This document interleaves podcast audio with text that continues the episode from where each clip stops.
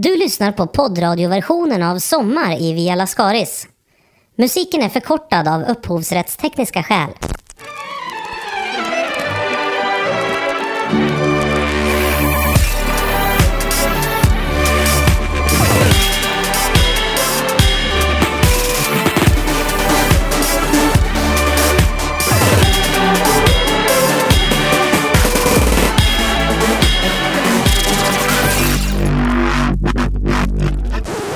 Det är varmt.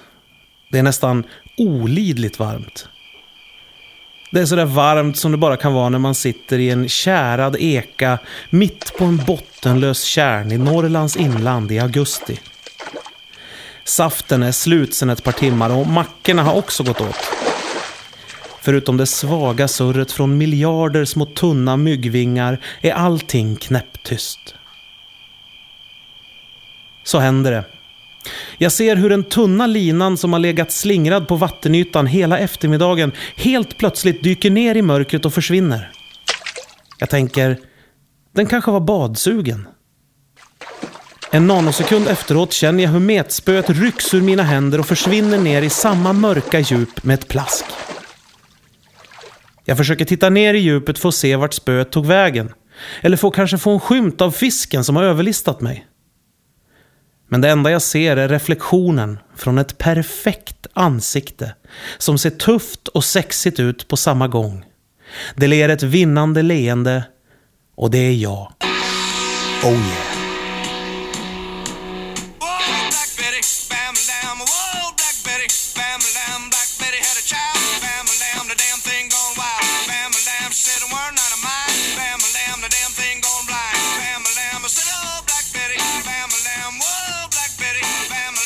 Jag heter Erik Ekstrand och det här är mitt sommar i Via Lascaris. Jag föddes på hösten 1979 i Östersund, under vad som har kommit att besjungas som normala förhållanden. En viss kosmisk aktivitet uppmättes naturligtvis, men inget häpnadsväckande. Såväl Jämtland som Härjedalen tillhörde under den här tiden det så kallade Svagströmsbältet. En region som löpte från Omberg i söder till Volrim i norr. Ingen i min familj var engagerad i svagströmsbranschen, men som boende i området så var det stört omöjligt att inte bli indragen i cirkusen.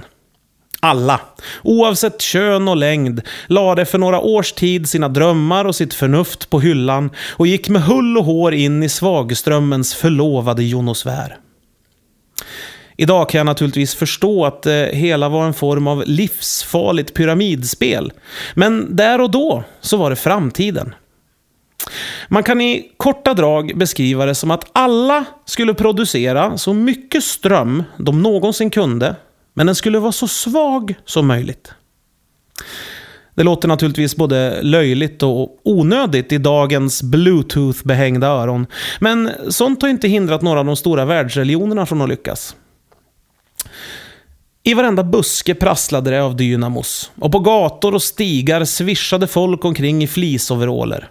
Tunna kablar gick som spindelväv över fasader och torg. Hela luften hummade och surrade av svag, svag ström. Och mitt i allt det här tog jag mina första imponerande steg. Grannarna applåderade och släkten lät föreviga ögonblicket i motivlack på en Scania-huv.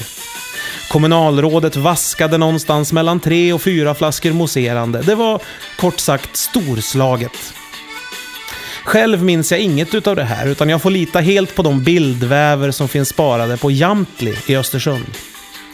Vissa hävdar även att den så kallade Överhodalstapeten skulle vara en skildring från efterfesten till mina första steg. Men det har aldrig styrkts. You better run, you better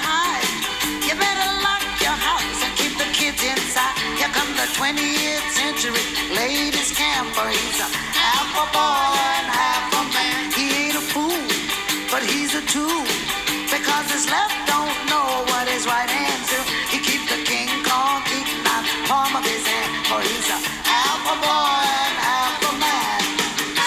Half a boy and half a man.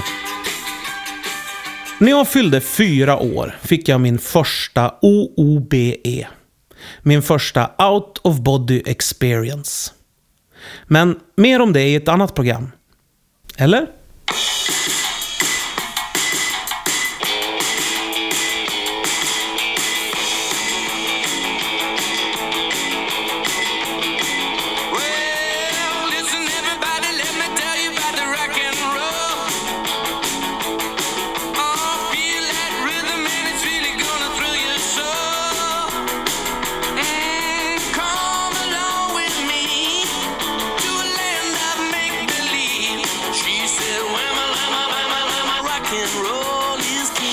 När jag skriver det här sommarpratet befinner jag mig i min lilla skrivarstuga i Nordkap.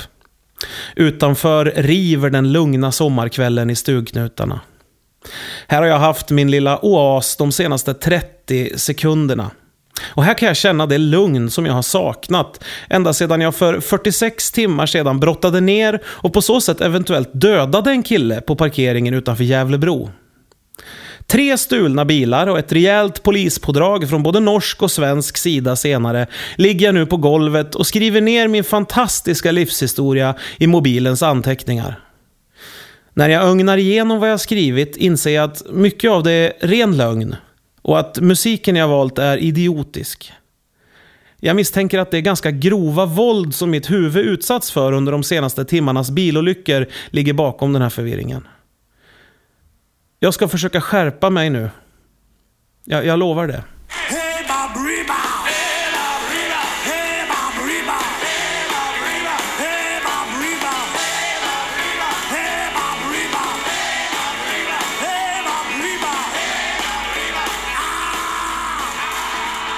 Hur som helst.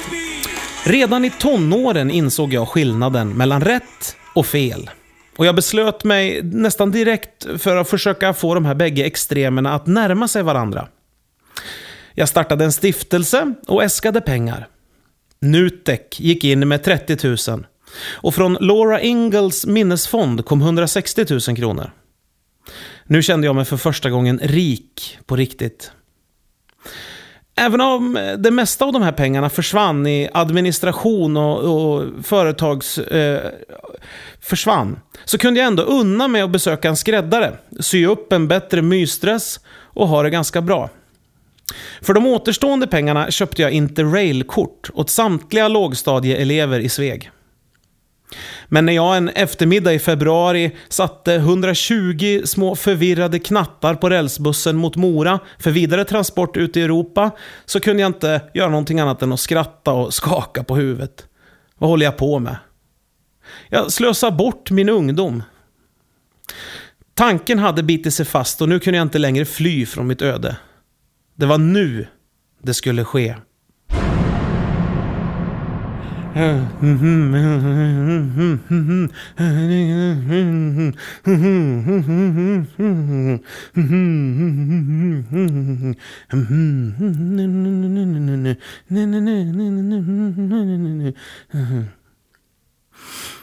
Alla är bra på någonting. Det är ju en sån där klassisk lögn som man använder för att gjuta mod i sopiga individer som egentligen bara borde hålla andan tills hela släkten får äta smörgåstårta. Men på mig stämmer det. Jag är bra på någonting. Att nynna. Det kanske är det sämsta i världen att vara bra på. Det finns oerhört lite pengar i nynnandet. Det finns garanterat ingen som har fått ligga på grund av ett perfekt nynn. Det finns heller ingen mässingsplakett på grindstolpen till ett mansion där texten “Nynn byggde detta slott” är graverad. Ingenstans i världen finns det. Ingenstans. Eh, redan i unga år förlikade jag mig med tanken på att min talang, min lilla superkraft och gudagåva, den var helt värdelös. Skulle jag lyckas i livet så skulle det krävas tre saker. 1. Hårt arbete. 2. Lånade pengar. 3. Tur. Jag bestämde mig för att lita helt till de två sista sakerna. CSN fick öppna stora plånboken och jag flyttade från Sveg. Jag insåg att mina drömmar om en continental lifestyle krävde en helt annan omgivning och valde att slå mig ner i Västergötlands eget Skövde. Skövde. Så fort jag kom in med tåget på stationen och klev av på perrongen så möttes jag av pulsen från Skövde. Ljuden av Skövde. Och dofterna från Skövde. Löften surrade om ett annat liv. Ett jävla skitliv. Nu gällde det bara att härda ut i två och ett halvt år. Men då blev spriten en fin kamrat. Vi har alla hört skakande vittnesmål från journalister som suttit fångna i källarhål och Natasha Kampers som satt i ett annat källarhål och runt om i världen sitter folk i olika källare och har det för jävligt. Men mina år i Skövde, de var också jävliga. Alltså för mig. Jag tror inte att det är de yttre omständigheterna som helt avgör hur man mår, utan mer hur väl förberedd man är mentalt på olika situationer. Mitt psyke klarade helt enkelt inte av Västgötaslättens obarmhärtiga stank av svinpiss och brända djurkadaver. Så var det bara. Här hade jag tänkt att vi skulle höra låten Min myrtenkrona ligger kvar på hatthyllan i Addis Abeba av Rolf Wikström. Men han har aldrig skrivit någon låt som heter Min myrtenkrona ligger kvar på hatthyllan i Addis Abeba. Så att Roffe, om du hör det här, skärp dig.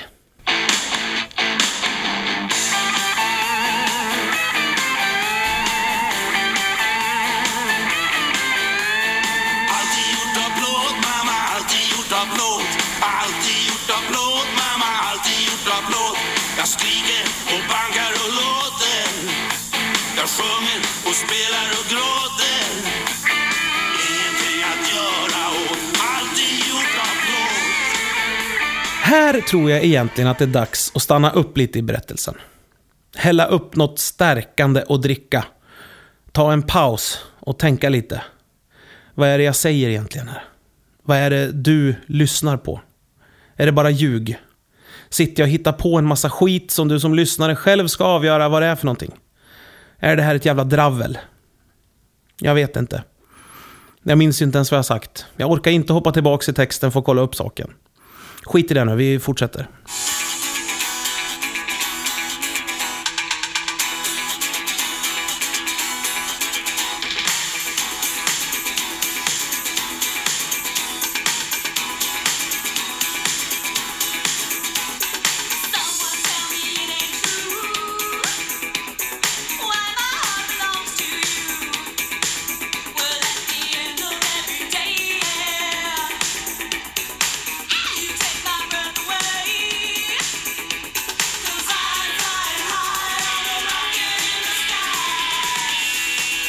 Året är 2099.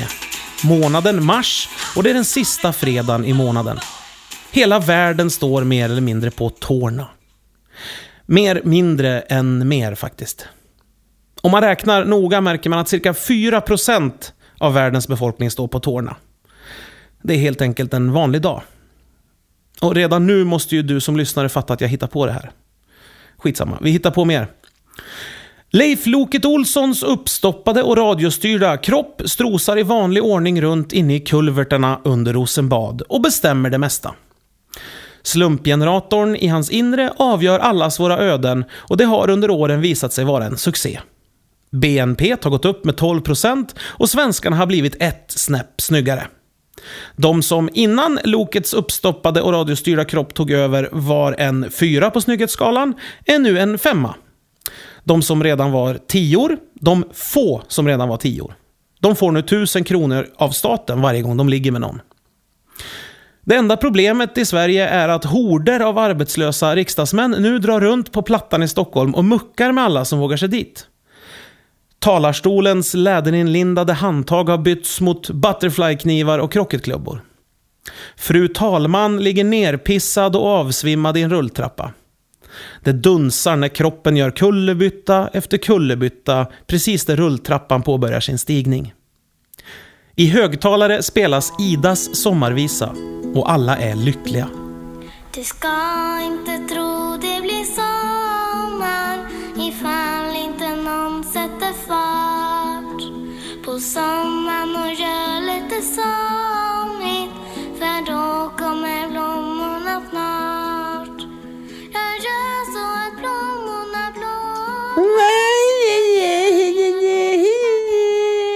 Nu är det här sommarpratet ungefär en kvart långt. Det är ju ingenting. Vad ska jag säga? Jag, alltså, jag orkar inte hitta på något mer. Jag berättar någonting istället som har hänt på riktigt. Millennieskiftet till exempel. Minns ni millennieskiftet? Då bodde jag i Sveg och visste inte vart jag skulle gå på fest. Man ville ju att det skulle bli en bra fest på ett så viktigt datum. Det var lite once in a lifetime-grej det här. Och då hade jag läst i tidningen att staden Berlin förväntade sig en miljon ditresta över nyår för de här firandena och jag tyckte att det lät jättemaffigt. Eh, så två dagar innan nyårsafton, eftersom man är ute i god tid jämt, eh, två dagar innan nyårsafton så ringde jag min kompis Andreas och så frågade jag om han ville åka till Berlin över nyår och det ville han. Så vi knep de två sista tågbiljetterna och tog med oss en tom sportbag och en bärbar vinylspelare. Eh, på skivspelaren hade vi singeln Lola med The Kinks. Och anledningen till att bagen var tom var att det ändå inte fanns något boende att få tag på i Berlin. Så att vi skulle ändå inte kunna duscha och byta om. Men en bag är ju alltid bra att ha om man hittar något. Första natten så skulle vi tillbringa på tåget, sittandes. Vi ville ha sovvagn, men det var totalt fullt i varenda kupé. Eh, så vi satte oss där och efter några flaskor vin och cirka 100 lyssningar på Lola så gick vi på upptäcktsfärd i tåget. Förbi vagn efter vagn som var fullproppad med folk och bagage. Alla skulle till Berlin över nyår. Alla var stressade och stämningen var präglad av den hotande millenniebuggen. Som vi på riktigt snackade ganska mycket om då. Hur det skulle bli och vad som skulle hända. Det var ju snack om att alla hissar skulle paja och bilar skulle stanna och allt sånt där. Så det var lite spännande. Eh, till slut så kom vi till sista vagnen i tåget. Och där var det knäpptyst. Den var väldigt mycket äldre än de övriga vagnarna i tåget. Allt var gjort av trä och stolarna var såna här lösa fåtöljer som stod på en tjock heltäckningsmatta. Det var som en lyxig röksalong där inne. Inte en människa var där. Och i slutet på den här lyxiga vagnen så fanns det en sovkupé. Två rejäla sängar som bara väntade på oss. Vi bestämde ganska snabbt att det där var sängrökarkupén och tog den i besittning. Låste in oss och eh, sov där. Utvilade och inpyrda anlände vi nästa morgon till Berlin. Det var kallt och rått i slutet av december. Det var dagen innan millennieskiftet när vi kom dit.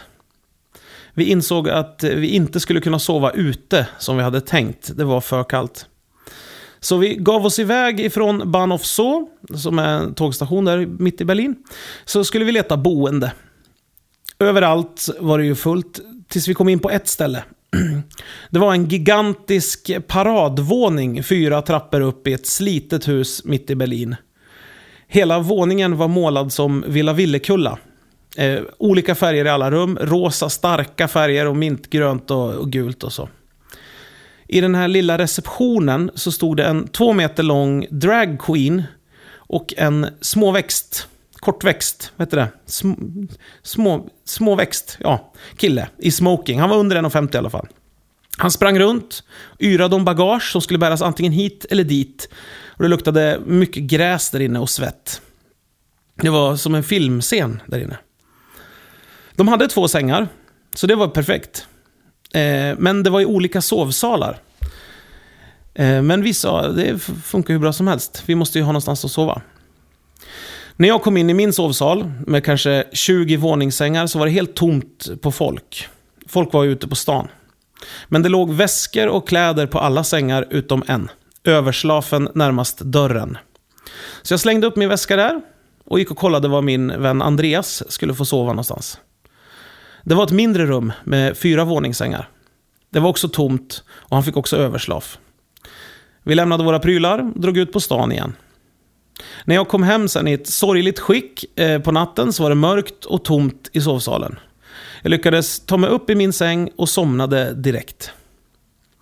Jag vaknade efter ett tag av att dörren flög upp och att någon slog mig på foten. Ett par gånger slog någon mig på foten. Sen tändes lysrören. Och in kommer ett 30-tal människor, killar, i kängor, uppvikta jeans, svarta t-shirts och vita hängslen. De hade inget hår på huvudet. Eh, de var inte otrevliga för att de hade slagit mig på foten. De hade ju bara missat lysknappen som satt på väggen vid min fotända. De var otrevliga för att de var nassar. De öppnade alla fönster på vid gavel och ställde sig och skrek nazistiska slagord och sjöng nazistiska sånger i ungefär en halvtimme. Sen sängrökte de sig till sömns. Jag sov ganska dåligt den natten. Tidigt, tidigt klev jag upp, eh, tyst, tog alla mina saker och gick för att hämta Andreas. Jag undrar om han också hade delat rum med Waffen-SS. Men när jag kom till hans rum så var det låst. Jag satte mig och sov en timme i korridoren utanför. Den mintgröna korridoren. Och när dörren öppnades kom två tjejer ut. De kom i handduk och var på väg till duschen som låg ute i korridoren. Jag gick in och väckte Andreas. Han ville inte alls dra. Han delade våningssäng med två italienska hesa tjejer. Jag sa att det skiter jag i. Jag delar rum med Hitlerjugend. Nu drar vi. Upp och ut på stan. Idag var det millenniet. Idag skulle det ske. Ikväll skulle Blümchen spela på något torg. Idag skulle vi festa till nästa dag. Och det gjorde vi. Och det gjorde hon. Hon spelade där. Det var verkligen över en miljon människor som hade åkt till Berlin för att fira millennieskiftet. Det var kaos. Och det var roligt. Vi fyllde bagen med sprit och drog runt på stan hela dagen. Man kunde inte själv bestämma vart man skulle gå, utan det var bara att hänga med i folkmassan. På något sätt, för de sista markeringarna vi hade på kontantkortet på mobilen, lyckades vi hooka upp med några tyska vänner som vi hade träffat för några år sedan. Och på tolvslaget så hällde vi champagne på varandra, vi Siegessäule och rökte cigarr. Folk kramade om varandra och önskade varandra allt gott. Och Mike Oldfield spelade Moonlight Shadow från scenen och tyskarna kunde varenda rad i texten. Vi festade ungefär till 6-7 på morgonen och när plogbilen rensade gatorna från champagneflaskor så slank vi ner i en gångtunnel vid Bahnhof Zoo och sov ett par timmar bland uteliggarna. Sen åkte vi hem igen. Det var roligt. Det var det. Det var en kul resa.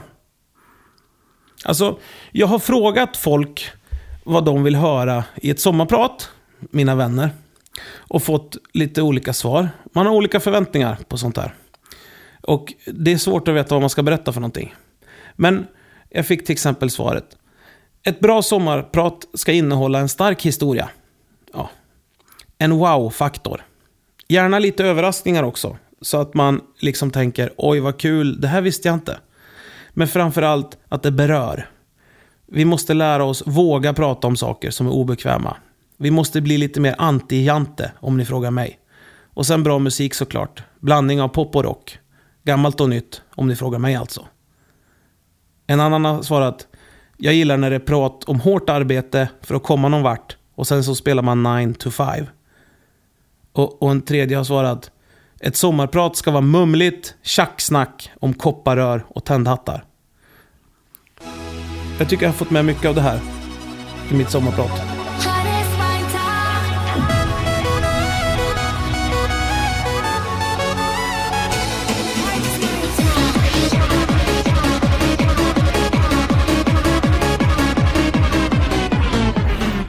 Jag har skaffat ett nytt pass också. Alldeles nyss. Det kändes inte alls kul.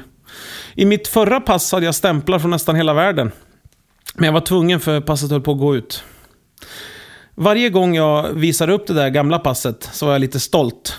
För det var så mycket stämplar i det. På sista året var jag också lite nervös eftersom passet hade börjat falla sönder och bli allt knövligare. Ibland när jag har haft tråkigt på en flygplats så har jag bläddrat igenom passet och tänkt på alla resor. Alla misstänksamma och skeptiska passpoliser jag gått fram till i olika tillstånd av berusning och nervositet. Men efter att ha sett Torsten Flink glida förbi Immigration i New York med höga kliv och en luva neddragen över ansiktet har jag insett att man inte behöver vara så nervig. Alla kommer in. I passet finns arbetsvisum från olika länder och ibland har jag rest in och ut ur ett land samma dag. Nya Zeeland var jag i två dagar. Chile var jag i tre timmar. De flesta resorna har jag gjort med jobbet och när vi har varit ute och spelat in saker. Vissa resor har jag gjort privat. En gång hade vi missat att spela in en pytteliten grej, men som var viktig för någon sponsor. Det upptäckte vi när vi kom hem och skulle klippa ihop programmet. Då fick vi flyga till Köpenhamn, hyra bil och köra tre timmar, filma i max fem minuter, köra bil tre timmar till Köpenhamn och sen flyga hem igen. Det kändes lite dumt. En gång när vi åkte husbil genom USA och gjorde tv så hamnade vi i Las Vegas. Vi rullade in i stan fyra på morgonen ungefär. Jag hade kanske sovit en timme eller två i husbilen. För det var väldigt svårt att sova den för att man flög liksom upp och ner ur sängen hela tiden varje gång man körde på ett gupp. Eh, jag var ganska trött när vi kom fram och skulle checka in på hotellet i Las Vegas. Jag somnade vid sextiden på morgonen, vaknade vid lunch. Fick reda på att vi inte hade något att spela in under den här dagen eftersom att en location, ett kasino, inte hade gett oss filmtillstånd. Kasinon gillar inte att man filmar så mycket där. Jag tyckte det var skönt, för jag var rätt så trött efter någon vecka på rull med husbilen. Det var första gången för mig i Las Vegas, så jag tänkte att jag ändå skulle passa på att se lite av stan på min lediga dag. Jag åkte till gamla Las Vegas, satte mig i en bar och insöp atmosfären och drickat. Det blev ganska mycket. Jag gick ut igen och insåg att det var mitt på dagen. Fick syn på den där gigantiska clownen utanför kasinot Circus Circus. Jag tänkte på Fear and Loading i Las Vegas och så gick jag in. Jag tror att det är där inne de är när de har tagit jättemycket knark och det är en apa och de sitter på en snurrande restaurang. Jag har för mig det. Det var oerhört trippat inne på Cirkus Cirkus. Eh, när jag kände att jag verkligen började gilla Las Vegas jättemycket så ringde telefonen i fickan. Vi hade fått det där filmtillståndet i alla fall. I natt klockan ett så skulle vi gå in på ett kasino och betta 10 000 dollar på rouletten. Jag kollade på klockan, den var sju på kvällen då. Så då var det bara att gå hem till hotellet igen. Försöka nyktra till. Jag låg på hotellrummet till eh, halv ett på natten och drack kaffe. Mådde värdelöst när vi skulle filma. Satte efter ett jädra dividerande allt på svart och förlorade 10 000 dollar. Gick hem till hotellet igen. Kunde omöjligt somna på grund av kaffe och tidsförvirring. Nästa dag, upp tidigt, iväg och köra Nascar. Det är spännande och intressant. Det är superroligt och asjobbigt ibland när vi spelar in. Mycket av det jobbiga är självförvållat genom nattsudd och dålig hygien. Men om jag åkte runt och var duktig så skulle halva nöjet med jobbet försvinna. Jobbresor som enbart blir jobbresor är värdelösa. Vara borta hemifrån, sitta på flyg i tio timmar bland gråtande bebisar, äta dålig mat och inte få gå på riktig toa. Det skulle jag aldrig göra för pengar. Det gör jag för att när vi spelar in program så är vi några kompisar som susar runt i världen och har så kul vi kan. Och när man har riktigt kul så blir man riktigt sliten. Nu har jag i alla fall nytt pass. Helt tomt. Det känns lite vemodigt, men också lyxigt. Som ett nytt åkband på Gröna Lund. Även om man inte har planerat en resa så tycker jag att man ska kolla lite på sitt pass ibland. Och har man inget giltigt pass så ska man försöka skaffa det. Det gör att man lyfter blicken lite. Att man blir påmind om att det finns en hel värld där ute och att i stora delar av den är man välkommen. Ja, det var så jag tänkte.